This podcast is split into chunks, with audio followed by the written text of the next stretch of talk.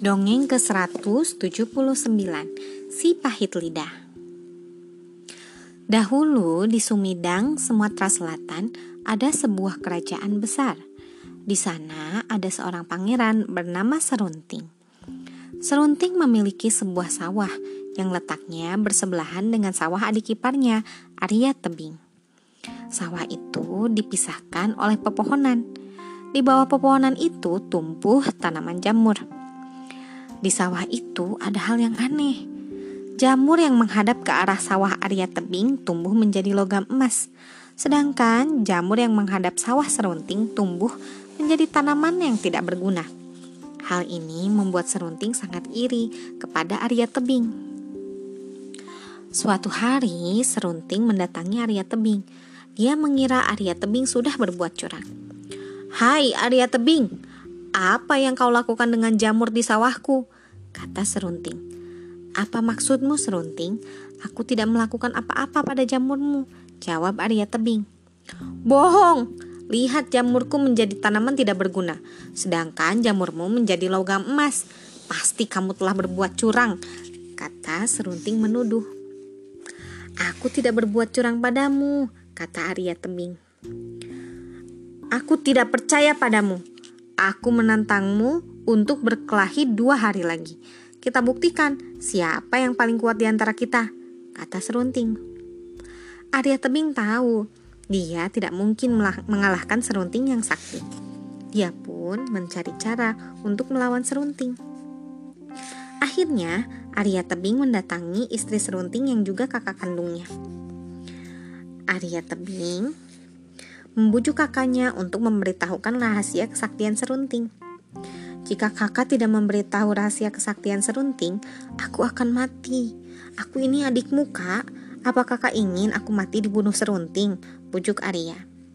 Akhirnya, sang kakak pun memberitahu rahasia kesaktian serunting. Baiklah, aku beritahu. Rahasia kesaktian serunting ada pada tumbuhan ilalang yang bergetar walaupun tidak tertiup angin, kata sang kakak. Keesokan harinya, Arya dan Serunting bertemu untuk mengadu kekuatan. Sebelum bertanding, Arya sudah menancapkan tombangnya pada ilalang yang bergetar. Hal itu membuat Serunting kalah dan terluka parah.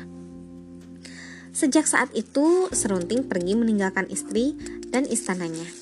Dia pergi bertapa di daerah Gunung Siguntang.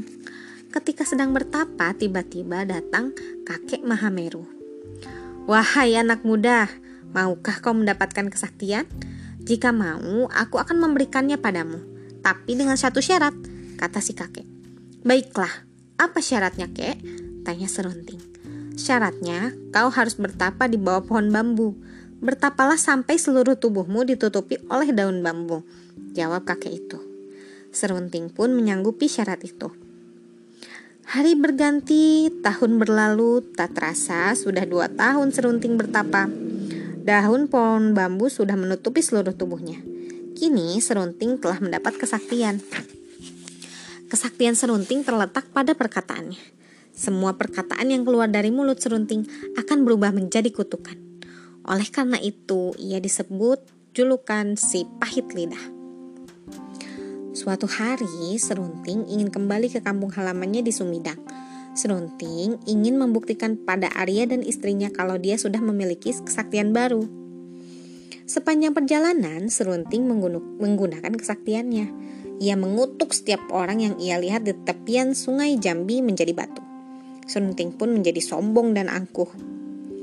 Ketika melewati Bukit Serut, Serunting melihat bukit itu tampak gersang. Tak ada satupun tumbuhan yang hidup. Ternyata di balik sifatnya yang sombong dan angkuh, Serunting masih memiliki niat baik. Wahai bukit yang gundul, jadilah hutan kayu. Kata Serunting. Dalam sekejap, bukit yang tadinya gundul berubah menjadi hutan kayu yang rimbun. Serunting merasa bahagia karena bisa berbuat hal baik.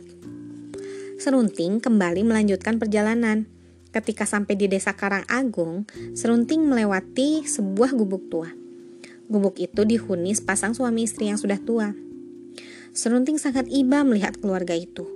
Dia kemudian mendatangi suami istri itu dan berpura-pura meminta air. Sang nenek pun segera memberinya minum. Terima kasih, Nek.